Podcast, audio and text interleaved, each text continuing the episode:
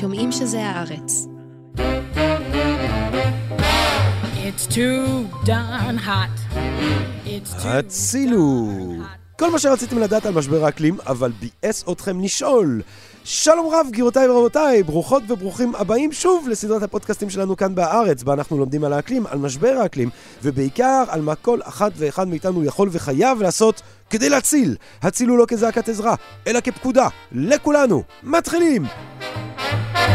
Cause it's too, too, too darn hot. It's too... אני דוקטור ג'רמי פוגל, ואני כאן עם העורך שלנו, איתמר ויצמן. שלום רב, איתמר. היי ג'רמי. אה, איתמר יושב כהרגלו, שמח, עם כל הדוחות וכל המספרים, כאשר אם אנחנו רוצים עובדות, פשוט פונים אליו, מקבלים גם את העובדות וגם את מקורות המידע המהימנים שמהם הם נובעים. ממש ככה, ואפשר כמובן כרגיל למצוא בכל פרק את הכישורים למאמרים והמחקרים שאנחנו מעלים פה. תודה רבה, איתמר ויצמן. טוב, אז בפרק האחרון עם דוקטור ליה אטינגר התפעלנו מהאקלים. מכל מארג החיים המפליא, המדהים, שהחיינו וקיימנו והובילנו לאקלים שלנו, להולוקן, ולאפשרות שלנו להתקיים, את הבקטריות. אוי, איזה בקטריות האלה, איזה מתוקות. הצמחים, העצים, כל מה שהפך פחמן דו-חמצני לחמצן, שמאפשר לנו להפציע, לזרוח. תודה לכולכם. אה, אבל אחרי שדיברנו על נס הקיום, על עצם האפשרות שלנו להתקיים כאן באקלים שהוא סביר ושמתואם אה, לסגנון חיים שזכינו לפתח, הגיע הזמן גם להבין את המשבר. פשוט להבין את הדבר הזה שקוראים לו אה, משבר האקלים. אה, וכדי לעשות את זה, כדי אה, בעצם לרדת או לחתוך ישר לברית הצוואר של משבר האקלים, אנחנו זוכים, מתגאים ונרגשים לארח כאן היום בפודקאסט את דוקטור אבנר גרוס, גבירותיי ורבותיי, שהוא חבר סגל במחלקה לגיאוגרפיה באוניברסיטת בן גוריון, חוקר את ההשפעה של שינוי האקלים שנים רבות, את הדוקטורט הוא עשה באוניברסיטה העברית, את הפוסט-דוק באוניברסיטת ברקלי, הוא גם אה, יוצר ומגיש הפודקאסט אה, האקלימיסטים, שאני לא יכול מספיק להמליץ עליו. רוצו ותקשיבו לאקלימיסטים, אה, חוקר יערות טרופיים, סופות אבק מהסהרה, כל מה שבעצם קשור להשפעה האנושית אה, על כל התהליכים האלה, כל מה שבעצם קשור למה שאנחנו רוצים בעצם היום אה, להבין ולדבר עליו, מהו משבר האקלים. אז אני, אה, כהרגלי, קשקשתי את עצמי לדעת. דוקטור אבנר גרוס, שלום רב. שלום ג'רמי, שלום איתמר, כיף להיות פה. דוקטור גרוס, מהו משבר האקלים? בואו נלך קצת אחורה, להיסטוריה הגיאולוגית של כדור הארץ. אז, אה, ואני מאוד מפשט פה, אבל כדור הארץ יכול להיות באחד מארבע מצבים אקלימיים, אוקיי? מצב אחד, כדור ארץ קפוא שכולו קרח. אפשר לקרוא לזה Snowball Earth, אוקיי? תקופה שכל כדור הארץ הוא קוטב אחד גדול. מצב שני, תקופה קרחונית. תקופה קרחונית זה תקופה טיפה פחות קרה, שבה הכתבים, נגיד, מגיעים לך עד אה, צפון אמריקה, אזור ניו יורק, Mm. מכסים את גרמניה, אה, אנגליה ואזורים כאלה, בסדר? הקוטב הדרומי והצפוני מאוד עולים. במצב כזה, זה המצב שבו האדם מתפתח וחי משהו כמו 200 אלף שנה. בני האדם הראשונים התפתחו אז, היו ציידים לקטים, היה קשה מאוד לקיים חקלאות, בגלל שלא חם מספיק, אין מספיק פחמן דו-חמצני באטמוספירה, אז בני האדם לא יכלו לעשות את אין המהפכה. מספיק מה באטמוספירה? פחמן דו-חמצני. פחמן דו-חמצני, אנחנו תכף ניגע ונסביר כן. למה זה המפתח לכל הסיפור שלנו או, פה. אוקיי. המצב השלישי, זה מצב חמים כמו היום, מה שאמרת ההולוקן, אותה תקופה גיאולוגית שנכנסנו אליה לפני בערך עשרת אלפים שנה. אז זה מצב שבו הכתבים הם כמו שאנחנו מכירים היום, רק בקוטב הצפוני והדרומי, וכדור הארץ נראה כמו שאנחנו מכירים אותו עכשיו. אז בעצם יצאנו מתקופת קרח אחרונה לפני עשרת אלפים שנה, התחלנו להתחמם, Mm, וזה בעצם המצב שאפשר לבני האדם לקיים חקלאות ובעצם לשגשג. mm. בגלל המצב האקלימי היציב הזה יחסית, יכולנו לשגשג, לפתח חקלאות, ומאולי חצי מיליון בני אדם להפוך להיות תשעה, עשרה מיליארד בני אדם שיש לנו היום בעולם. אה, בעצם יש לו את טווח הטמפרטורות שמתאים לציוויליזציה האנושית, לחיים האנושיים. המצב הרביעי האפשרי זה מצב שאנחנו קוראים לו בית בוער. מצב שבו הטמפרטורה נגיד גבוהה ב-4 עד 8 מעלות מהיום. האקלים הרבה יותר לח, הרבה יותר גשום, ואין בו בכלל כתבים. כל הקרח נמס, כי חם מדי. Mm. אוקיי? במצב הזה, פני הים גבוהים מאוד בכמה מטרים ממה שהם היום. זאת אומרת, ניו יורק, ניו אורלינס, מיאמי, אמסטרדם, אה, אזורים בדרום אפריקה, בברזיל, מתחת לפני הים. הרבה יותר חם למחיה אנושית, יש אזורים שלמים שהטמפרטורה בהם בעצם גבוהה מעבר לסף האבולוציוני שבני אדם יכולים לחיות בו. הרבה יותר אירועי אקלים קיצוניים, כמו בצורות, שיטפונות, שריפות, מצב שלקיום אנושי יהיה בו מאוד קשה. אלה ארבעה עיקריים. עכשיו, המעבר בין כל מצב, בין מצב 1 ל-2, 2 ל-3, 3 ל-4, כרוך תמיד בשינויים אבולוציוניים ובהכחדות מינים גדולות. Mm. כי פתאום האקלים משתנה דרסטית, ויש מינים שלא יכולים לשרוד יותר. לפעמים, במצבים מסוימים, אפילו 90% מהמינים נכחדים. מה אתה אומר? איך אתה עובר ממצב למצב? המעברים האלה, זה מה שקוראים להם שינויי אקלים. זה שינוי אקלים, שכדור הארץ עובר ממצב אחד למצב שני. וברגע שהוא מגיע למצב החדש, הוא נשאר יציב וקבוע, עד שמגיע איזה פוש, איזה בעיטה חדשה, שמוציאה אותו למצב חדש. זה יכול להישאר גם עשרות, מאות מיליוני שנים באותו מצב, עד שמשהו משתנה ונותן לו את אבל מה זה, ומה זה. המשהו הזה שמשתנה? או, אז מה זה הדברים האלה? מה זה הבעיטה. כן. שיכולה להעביר את כדור הארץ ממצב אחד למצב כן. אחר? למשל, השינוי במיקום של כדור הארץ מול השמש. כדור הארץ מסתובב סביב השמש, לפעמים הוא יכול להיות יותר רחוק, יותר קרוב, יש לזה מחזוריות. אז כשהוא יותר רחוק, הוא יותר, בעצם אנחנו נהיה יותר קרים, כשהוא יותר קרוב אנחנו יותר חמים. עוצמת קרינת השמש יכולה להשתנות, בגלל דברים שאנחנו מבינים יותר או פחות, ומשתנה, לפעמים אי אפשר לצפות את זה. למשל, פליטות הרי געש חזקות, שיכולות להעלות את כמות גזי החממה באטמוספירה, תכף נסביר מה זה אומר, לשנות את הרכב האטמוספירה, יכולות להזיז אותנו, להניע אותנו ממצב אחד למצב אחר. ואז בעצם הבעיטה הראשונה, נגיד השמש טיפה יותר חזקה או יותר חלשה, או הרכב האטמוספירה משתנה, מתחיל לך תהליך של אפקט דומינו, של יוצר שרשרת של תהליכים שמכניסים את כדור הארץ תוך כמה עשרות, מאות או אלפי שנים ממצב אחד למצב אחר. מממ. זה בעצם השינוי האקלימי, כשאתה יוצא ממצב מסוים ונכנס למצב אז אחר. אם אנחנו נלך, אם ההולוקן אה, מפציע לפני עשר אלף שנה, וזה בעצם העידן האקלימי ש, שמאפשר לנו לפתח את הציוויליזציה ואת החקלאות, ובעצם לבנות את העולם שאנחנו מכירים, ולפחות חלקנו אוהבים, מה היה לפני זה? היה תקופה קרחונית. נכון, אז לפני, עד לפני עשרת אלפים שנה, כדור הארץ הייתה בתקופה קרחונית. אתה זוכר? תקופה שבה הכתבים מגיעים לנו עד מנהטן, ברלין וכן הלאה. אה, היו בני אדם, היו הרבה פחות, כי היה הרבה יותר קשה להתקיים. כן. אם ניקח את זה כדוגמה לשינוי אקלים, מה קרה בין תקופת הקרח, סוף תקופת הקרח, להולוקן? כל מאה אלף שנה, כדור הארץ, הוא מסתובב סביב השמש. אהה. כל מאה אלף שנה הוא נמצא באזור טיפה יותר רחוק, ואז הוא מתקרב, וטיפה יותר רחוק, ואז מתקרב. סימן שיש לך מאה אלף שנה של תקופת קרח, Mm. אלף שנה של תקופה בין קרחונית, שהיא ההולוקן, מה שאנחנו Mm. נמצאים בו עכשיו. מאה אלף שנה תקופת קרח, עשרים אלף שנה תקופה קרחונית. זאת אומרת, שאם עכשיו אנחנו כבר עשרת אלפים, שתים עשרה אלף שנה בתקופה חמה, תאורטית, תוך כמה אלפי שנים אנחנו נכנסים שוב לתקופת קרח, מעניין. בעיקרון. וואו, אבל- בעוד שמונה אלף שנה. משהו כזה, אפילו מעניין. פחות. אה. אבל אם בני האדם ישנו את האקלים, כמו שאנחנו תכף נסביר, אם האקלים ישתנה לנו לפני, זה לא גיוון, יכול להיות שהשינוי הזה לא יתרחש, או שיתרחש הרבה יותר מאוחר, ויהיה לנו שינוי אחר, מעבר ממצב דווקא יותר חם. מה שעוד יכול לקרות, זה שהשינוי הזה יידחה.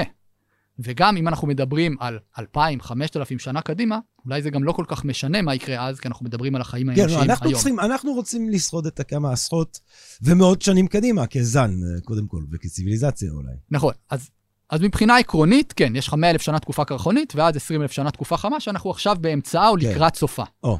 אבל אז קרה משהו מאוד מאוד ייחודי, שלא קרה אף פעם בהיסטוריה של כדור הארץ, שהתחיל אה, רק לפני 200 שנה, וביתר שאת ב-70 השנה האחרונות. המהפכה התעשייתית. המהפכה התעשייתית, שהיא בעצם הדחיפה הקטנה, Mm, כן. היא הדחיפה ששינתה את הרכב האטמוספירה ושינתה את האקלים, וכרגע אנחנו בתהליך מעבר ממצב שלוש, שזה מצב החמים שאנחנו חיים בו היום, אותו מצב של ההולוקן היציב, לעבר מצב ארבע, Mm. הסטייג' 4 הזה. שזה בית מצב בוער. הבית הבוער. כן, זה המצב שאנחנו לא רוצים להיות בו. או. כי מה זה אומר מצב של בית בוער? זה אומר מצב שבו אזורים שלמים בכדור הארץ בלתי ניתנים למחיה לפחות בחלק מהשנה.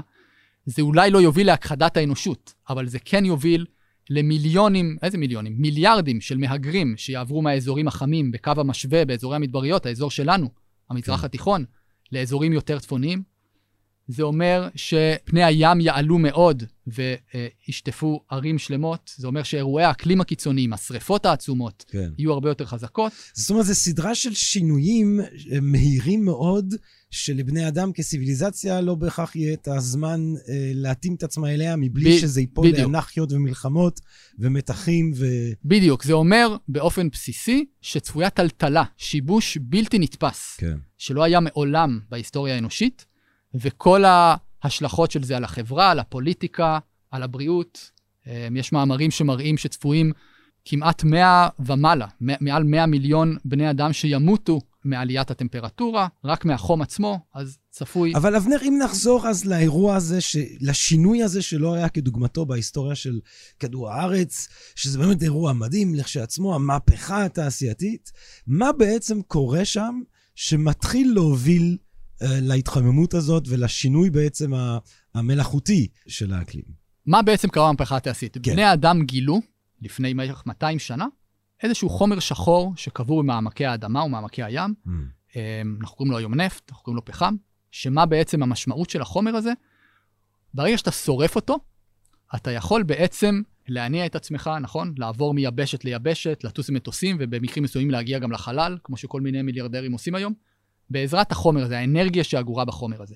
מה זאת האנרגיה הזאת? זה בעצם, הנפט והפחם זה שאריות של צמחים עתיקים בני מיליוני שנים, שנקברו מתחת לאדמה ומתחת לים, ואנחנו בעצם עכשיו מוציאים אותם בבת אחת ושורפים אותם. את כל אנרגיית השמש העתיקה הזאת שנלקחה, אנחנו מוציאים אותה ומשתמשים בה להניע את החיים שלנו, אוקיי? צמחים, מה הם עושים? הם יודעים לעשות תהליך שנקרא פוטוסינתזה. פוטוסינתזה. פוטוסינתזה, שמעת על זה פעם מן הסתם? וואו, אני תמיד אומר, כבר אמרתי בפרק עם ליה, החלום שלי לחיות מפוטוסינתזה. זה מה שאני רוצה שיהיה הכוח על שלי. אז פוטוסינתזה, כל מה שאתה צריך לעשות, כן. זה לקחת את אנרגיית השמש, כן.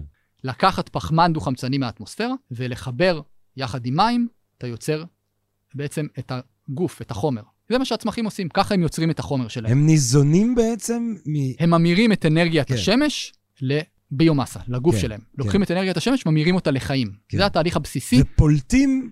אז הם לקחו את ה-CO2 מהאטמוספירה, כן. המירו אותה, אותו יחד עם השמש לחיים, ומתחילים בעצם, לפני הפליטה, מתחילים בעצם אה, לבנות את עצמם.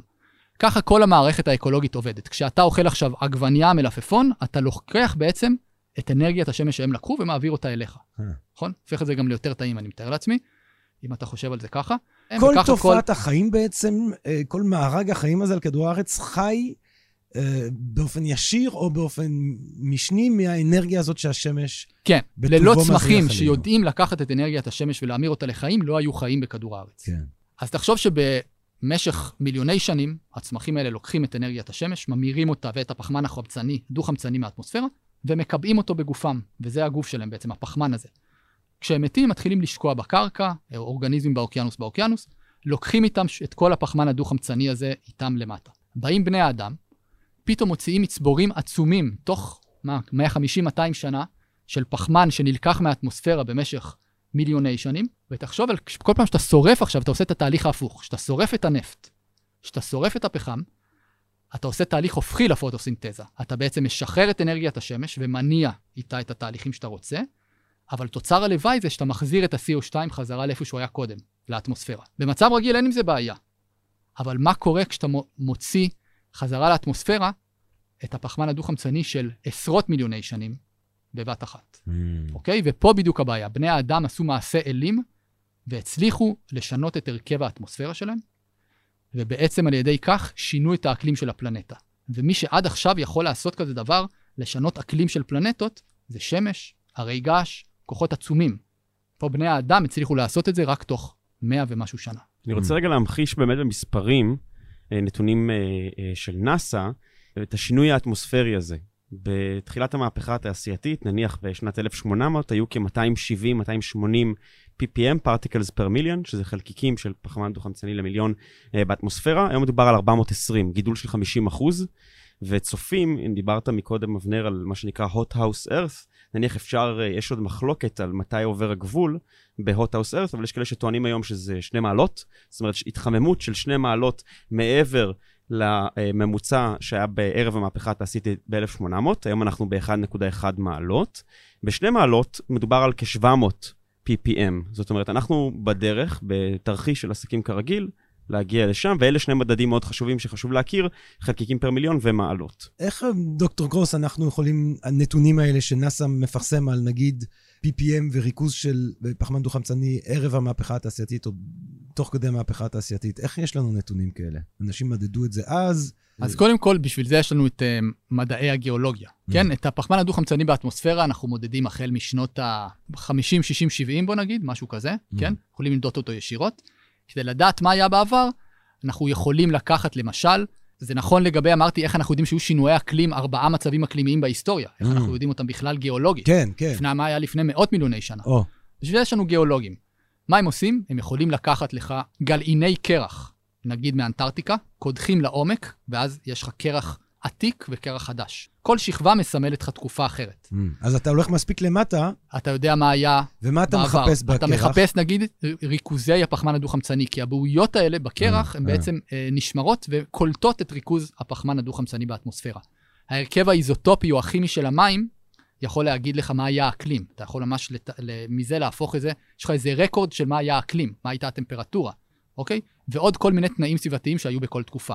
אתה משווה את זה נגיד לבוץ או סדימנט ששוקע בקרקעית הים, שגם שם אתה קודח לעומק וכל שכבה היא תקופה אחרת. אז מזה אתה ממש בונה מפה של תקופות אקלימיות שונות בעולם. למה אבל בכלל הפחמן הדו-חמצני מסתובב באטמוספירה, אותה שכבת גז שסובבת ה- את, ה- את הבית שלנו, את כדור הארץ? למה, למה נוכחותו של פחמן דו-חמצני אה, באטמוספירה בעצם מחמם את כדור הארץ? למה שבני אדם שינו את הרכב האטמוספירה זה בכלל גרם להתחממות. כן. אוקיי, אז בואו נתחיל להסביר מה, נלך לבסיס, מה מחמם פלנטות באופן כללי. יש לנו שני גורמים שיכולים בעצם אה, להשפיע על האקלים בפלנטות באופן כללי. אז לכל פלנטה יש מה שאנחנו קוראים לו מאזן קרינה, כמה קרינה נכנסת, כמה קרינה יוצאת. כשהוא מאוזן, הטמפרטורה קבועה ואין שינוי. כשמשהו יוצא מאיזון, אם למשל יש לנו יותר קרינה נכנסת מזאת שיוצאת, נתחמם. ההפך, נתקרר. מי המחמם? השמש. הקרינה שנכנסת מהשמש תלויה בשני דברים. עוצמת השמש, שאמרנו שיכולה להשתנות עם השנים, ואם היא משתנה למטה או למעלה יש לנו שינוי אקלימי, או מה שהיא פוגעת בו בדרך. אם למשל, אנחנו קוראים לזה אפקט האלבדו, או אפקט החזר הקרינה.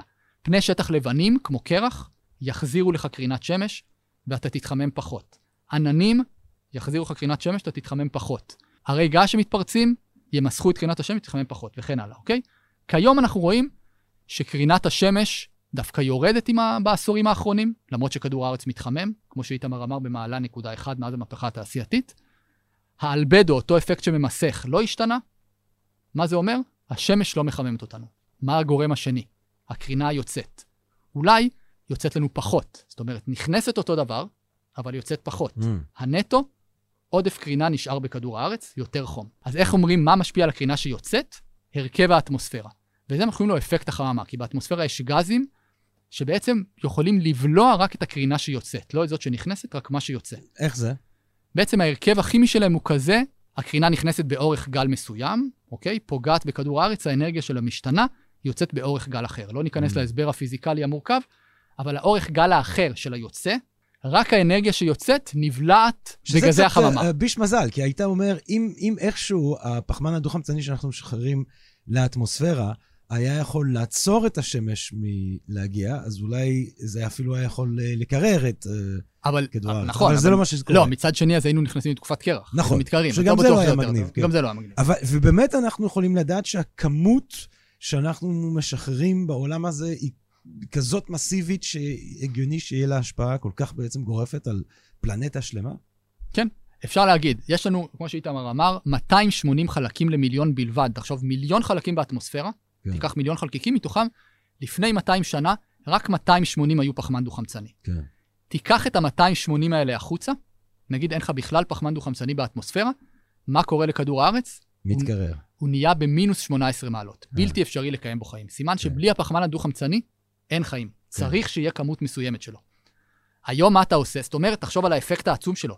רק מ-280 חלקקים לתו, מתוך מיליון, אתה מחמם את כדור הארץ ממינוס 18 אה, מטורף. ל-15. זה מטורף, כן. אז זה מראה לך את הכוח שיש ל-CO2 לחמם. כן.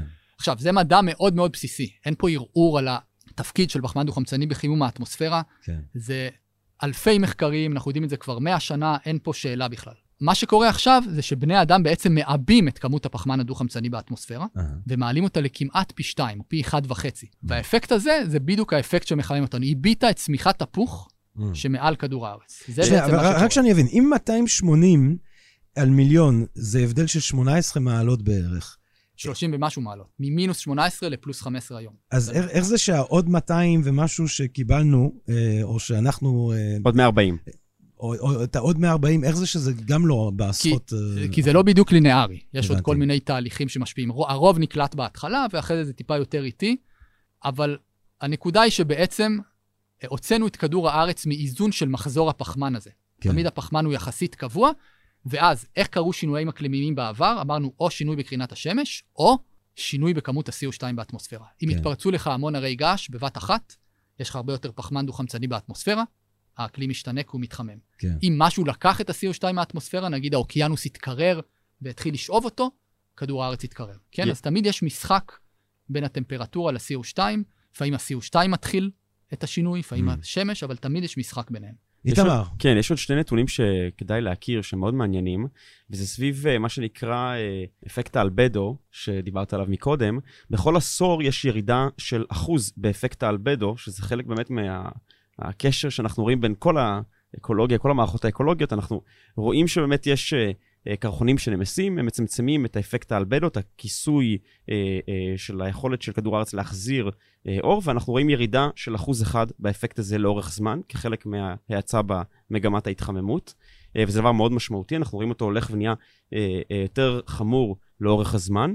אה, 0.96 אחוז בעשור כבר משנות ה-80 שהחלו אה, למדוד את זה, ודבר שני זה אפקט ההתחמצות של האוקיינוסים של הימים, שאנחנו רואים שכתוצאה מכך שהם קולטים יותר ויותר חום, אה, רמות ה-pH אה, מ-8.1 שהיו ל-7.9, והופכים אה, ליותר ויותר חומציים. אלה שני נתונים שמאפשרים לנו למדוד ולראות את התהליך, אה, את ההשפעה של אפקט אה, החממה בסוגיות אחרות בכדור הארץ. אז אני רוצה, אבל באמת הדברים המבהילים האלה שאיתמר מביא עכשיו, ובכלל, כאילו, ההתחממות וה- והמשבר, טכנית האקלים לא אכפת לו. אני חושב שהאקלים לא במשבר, הציוויליזציה האנושית תהיה במשבר. ברור, האקלים ברור. מתחמם, הוא מתקרר. כדור הארץ זה לא מעניין הארץ, אותו, זה פסיק כן, בזה, כי ברור. עוד מעט אז יהיה יישוב קר, יהיה חום, יהיה קר, מה זה אכפת לו, הוא בסדר, אנחנו לא נהיה בסדר.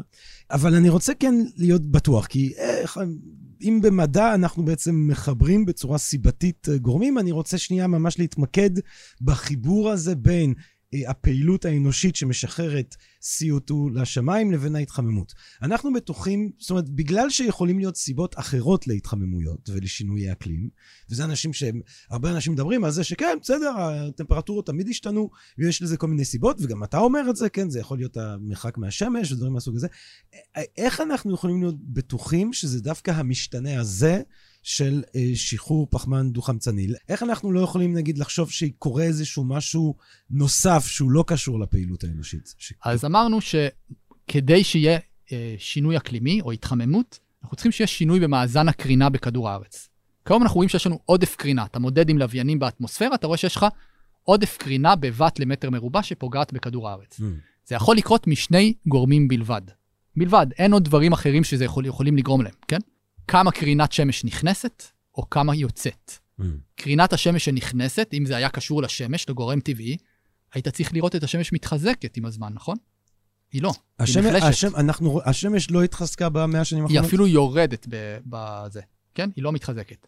יכול להיות שמשהו חוסם אותה מלהגיע. היית צריך לראות את האלבדו שאיתמר הזכיר, יורד. זאת אומרת שיותר שמש מגיעה אלינו בפועל.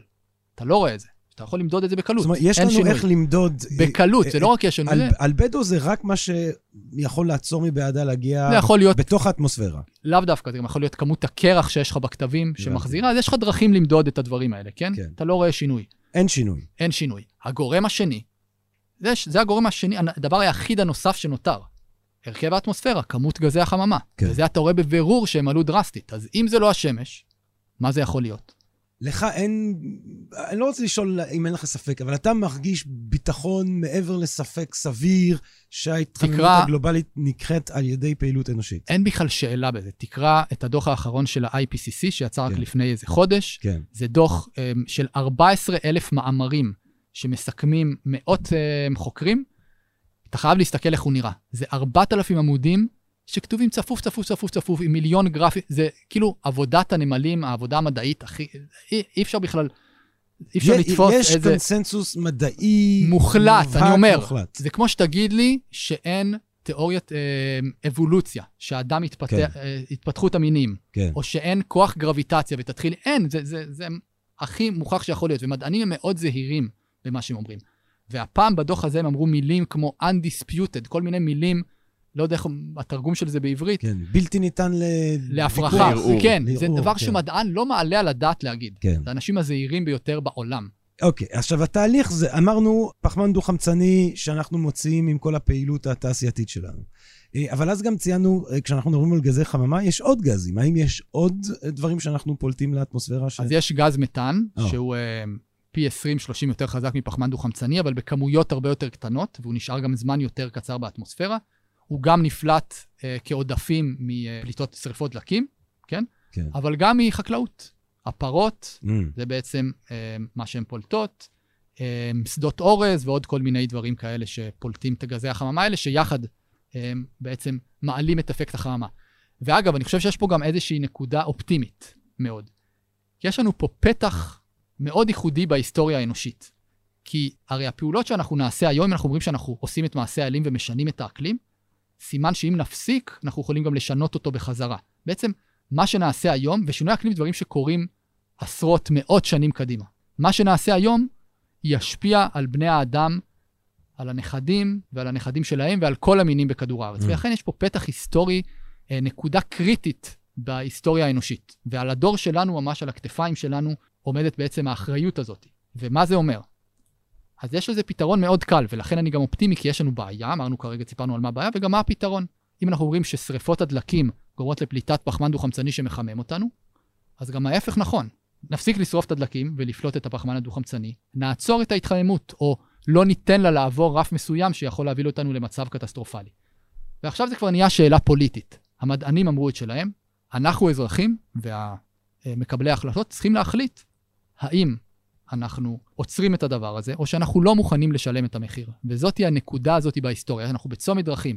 האם אנחנו עוברים לאנרגיה מתחדשת נקייה ללא פליטות פחמן, או שאנחנו לא עושים את זה וממשיכים כרגיל, מה שמוביל אותנו אה, במסלול ידוע מראש לעבר שינוי קיצוני מה דוקטור אבנר גרוס, כמי שעוסק בזה, חוקר את זה, אתה יודע, כולנו אה, אה, מתעניינים בזה ושומעים את זה, וזה נורא מדאיג אותנו, אבל יש לנו את ה, איפשהו את הזכות להמשיך ולעסוק בדברים שהם פחות אה, תורמים לחרדתיות עמוקה.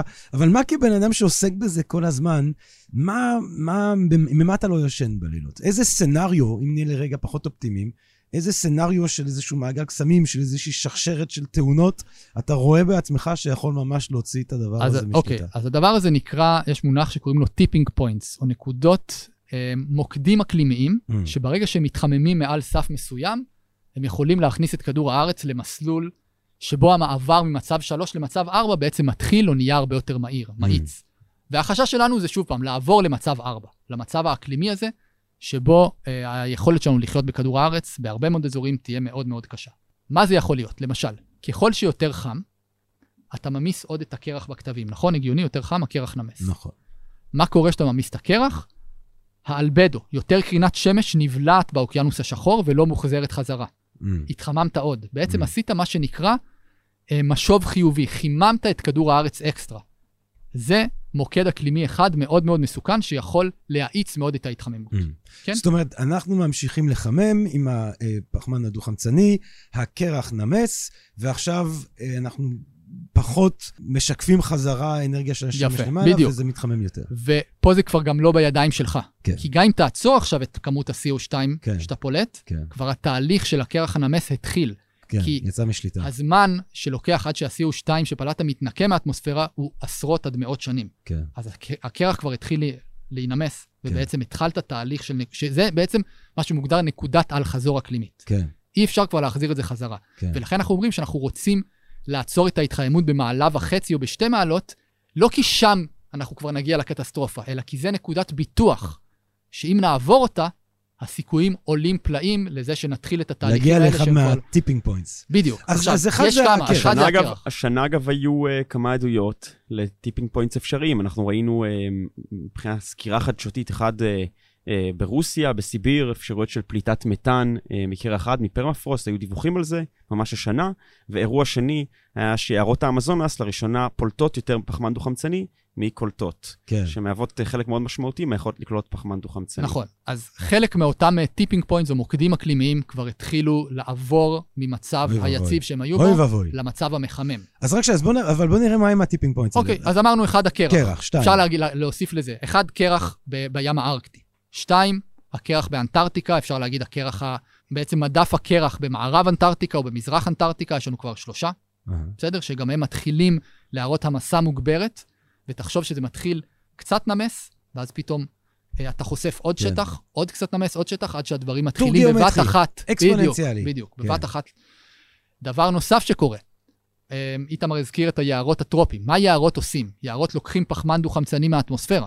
בעצם מה הם עושים? על ידי שהם לוקחים אותו בפוטוסינתזה. כן, כי זה, אמר- לא אמרנו רק שהם הצמחים הגאוניים האלה, לא רק שהם אה, שואבים את הסיודו, הם גם פולטים חמצן. נכון, ונותנים לנו את החמצן שאנחנו נושמים. אבל תחשוב שהם כל הזמן גם לוקחים חלק מהפליטות שבני האדם פולטים. הם כן. למזלנו מגנים עלינו מההתחממות. כן. כי הם כל הזמן קצת שואבים חזרה. כן. נכון?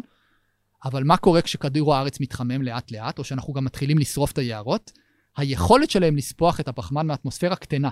ככה שההגנה שלנו מפני אפקט החממה המתגבר הולכת וקטנה. אבל עדיין, לא הבנתי אבל באמת את הנתון הזה שהן כאילו פולטות יותר סיוטו משהן קולטות. אז עדיין נכון, מלא אז עצים. מגיע מצב שהיער, ברוב הזמן הוא צומח יותר משהוא מת. כן. אבל ברגע שנהיה חם מדי, או שעברת איזושהי נקודת סף, וזה הטיפינג פוינט, בעצם היער יותר עצים מתים, או יותר פחמן נפלט מהיער ממה שנלקח. אבל כשהעץ מת, הוא לא נכנס לאדמה ולאט לאט אה, לוקח איתו את הפחמן מתחת לאדמה? חלק ממנו, אולי הגזע. שאר הדברים שקלים לפירוק מתפרקים על ידי כל החיידקים, הבקטריות, הפטריות, כל מי שנמצא בקרקע, ופולטים את הפחמן שלו חזרה לאטמוספירה.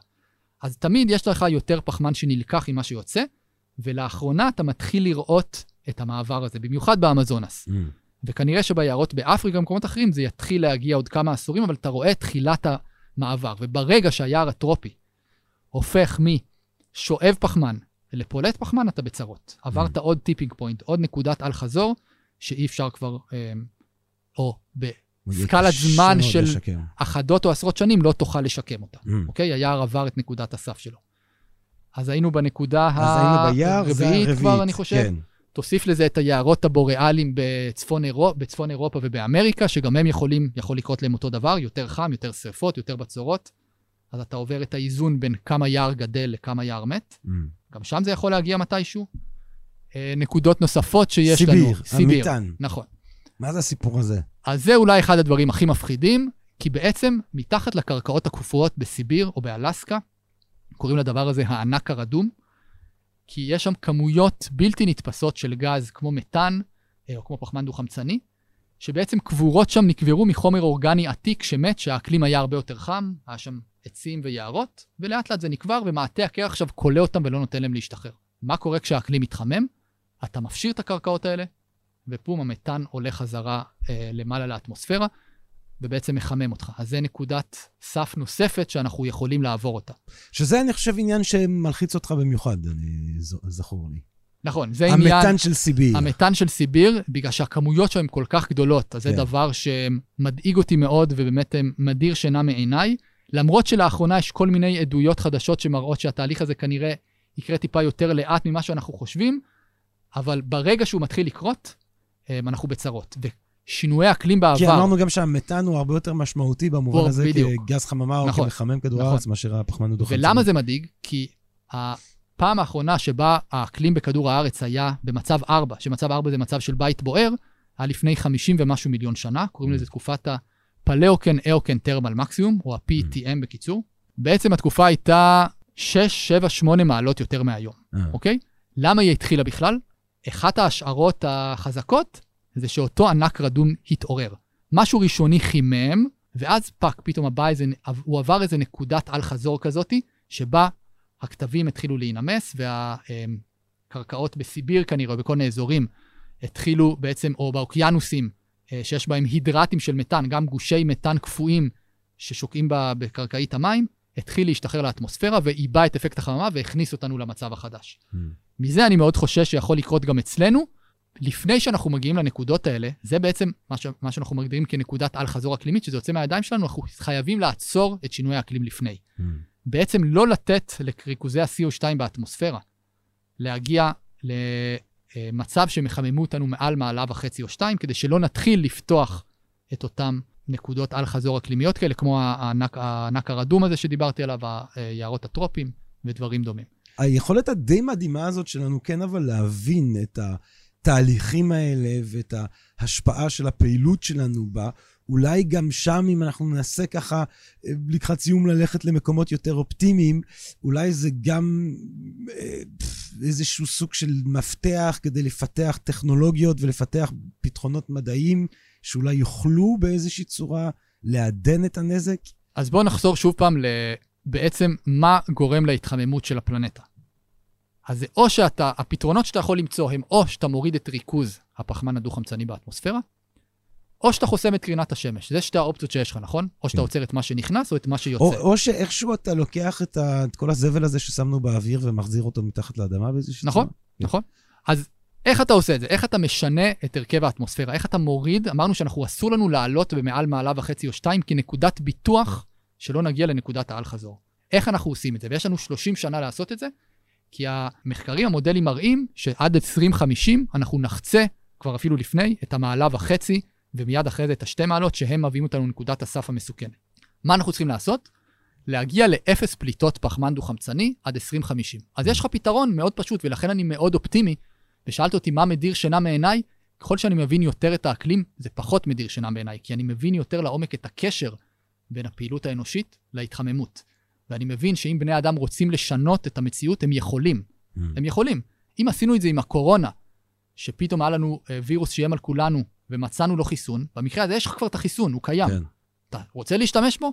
תחליט, אוקיי? כן. תחליט אם אתה רוצה לעשות את זה, אבל מה עומד פה על הכף זה בלתי נתפס, אז אני לא רואה סיכוי שהחברה האנושית... ממשלות העולם יהיו אנטי-וקסרס במובן הזה. אין שום סיכוי, כי ה... אה, מה שעומד על הכף הוא כל כך קריטי, שגם אם זה לא יקרה תוך חמש שנים או תוך עשר שנים, זה יקרה מתישהו. רק אחרי זה המחיר יהיה יותר כבד לשלם, אבל אין שום סיכוי שאנחנו נמשיך לפלוט פחמן דו-חמצני לאטמוספירה, כי האזרחים פשוט ידרשו את זה. אנחנו כבר ראית מה קרה בקיץ האחרון. עברנו איזושהי נקודת סף פסיכולוגית, הייתי אומר. כולם מדברים על זה. גם כן. בעקבות הקורונה והפגיעות האנושית, ראינו מה זה שאנחנו מול הטבע, איזה שברירים אנחנו, וגם ראינו מה קורה ששינויי האקלים מתחילים לקרות. תחשוב שהקיץ הזה היה הקיץ הכי קל שיהיה לנו. אני אישית לא רואה שום סיכוי שבני האדם ילכו, ימשיכו לנסוע ברכבת הזאת ויפלו מהצוק, כשהם יודעים בוודאות מה הפתרון. אה, יש לנו אנרגיה מתחדשת זולה ויעילה, ורק צריך לתת לה את המקום, את העזרה, את הדחיפה הכלכלית הנוספת לפתח אותה עוד יותר. לכן אין סיבה בכלל לחשוב על פתרונות מדע בדיוני של לעצור את קרינת השמש, לזרוע עננים, לזרוע חלקיקים ולעשות או לשאוב את הפחמן מהאטמוספירה. כרגע אנחנו לא שם, אין לנו כן. בזה צורך. זה לא יזיק אם אנחנו נשאר... זה לא יזיק, אבל מה הבעיה? הבעיה היא שאם אתה מתחיל לדבר על הפתרונות האלה, כן. אתה זונח את הפתרון הברור והחשוב ביותר. אז באמת לפני שאנחנו מדברים על פתרונות ואנחנו uh, ממש לצלול כן, לתוך נקדיש, זה בהמשך הסדרה, ברור, בטח. זה חשוב רגע להבין את המקורות uh, של פליטות פחמן uh, בעקבות הפעילות האנושית. ויש כאן גרף מאוד מעניין של קבוצת רודיום, שזה מכון מחקר אקלימי, אנחנו רואים ש-31% מכל הפליטות הם כדי לייצר אה, דברים, בין אם זה בטון, אה, או כימיקלים, או תהליך הפקת אה, גז ונפט. 27 אמ, אחוזים זה לייצר חשמל, אנחנו רואים שהרוב המשמעותי הוא מפחם, חלק מגז טבעי במירכאות. 19 אחוז זה תעשיית החקלאות, הרבה מאוד מגידול בקר, והדבר הבא הוא תחבורה. 16 אחוז מכל הפליטות, אחד מכל שש הפליטות, הוא מתעשיית התחבורה, בין אם זה אה, רכב או טיסות, טיסות הוא יחסית מעט, אנחנו נוהגים לדבר על זה הרבה, זה סך הכל 2 אחוזים, אה, ובחימום וקירור, בין אם זה מסחרי או בין אם זה מגורים, זה 7 אחוז מכל הפליטות. יש כל מיני דרכים, אגב, להסתכל על הפליטות האלה. אני יודע, נכון? יש, בין אם זה ממש באופן ישיר, זאת אומרת, חקלאות היא גם תחבורה, כי אנחנו משנעים את הסחורה שלנו. אה, יש כל מיני דרכים להסתכל על הטבלאות האלה, אבל אה, כדי לצמצם את הפליטות, אנחנו רואים שאנחנו צריכים להתעסק בליבה של הפעילות האנושית, בחקלאות, בייצור, בתחבורה ובחשמל. שזה באמת אה, חתיכת תיק. זאת אומרת, כי, כי הרי בסוף, הביטוי האנושי של הפחמן הדו-חמצני באוויר, זה כבישים, וזה תזונה, וזה בית חולים וחינוך, ו- זאת אומרת, זה כל הדברים שהם הופכים אותנו ל...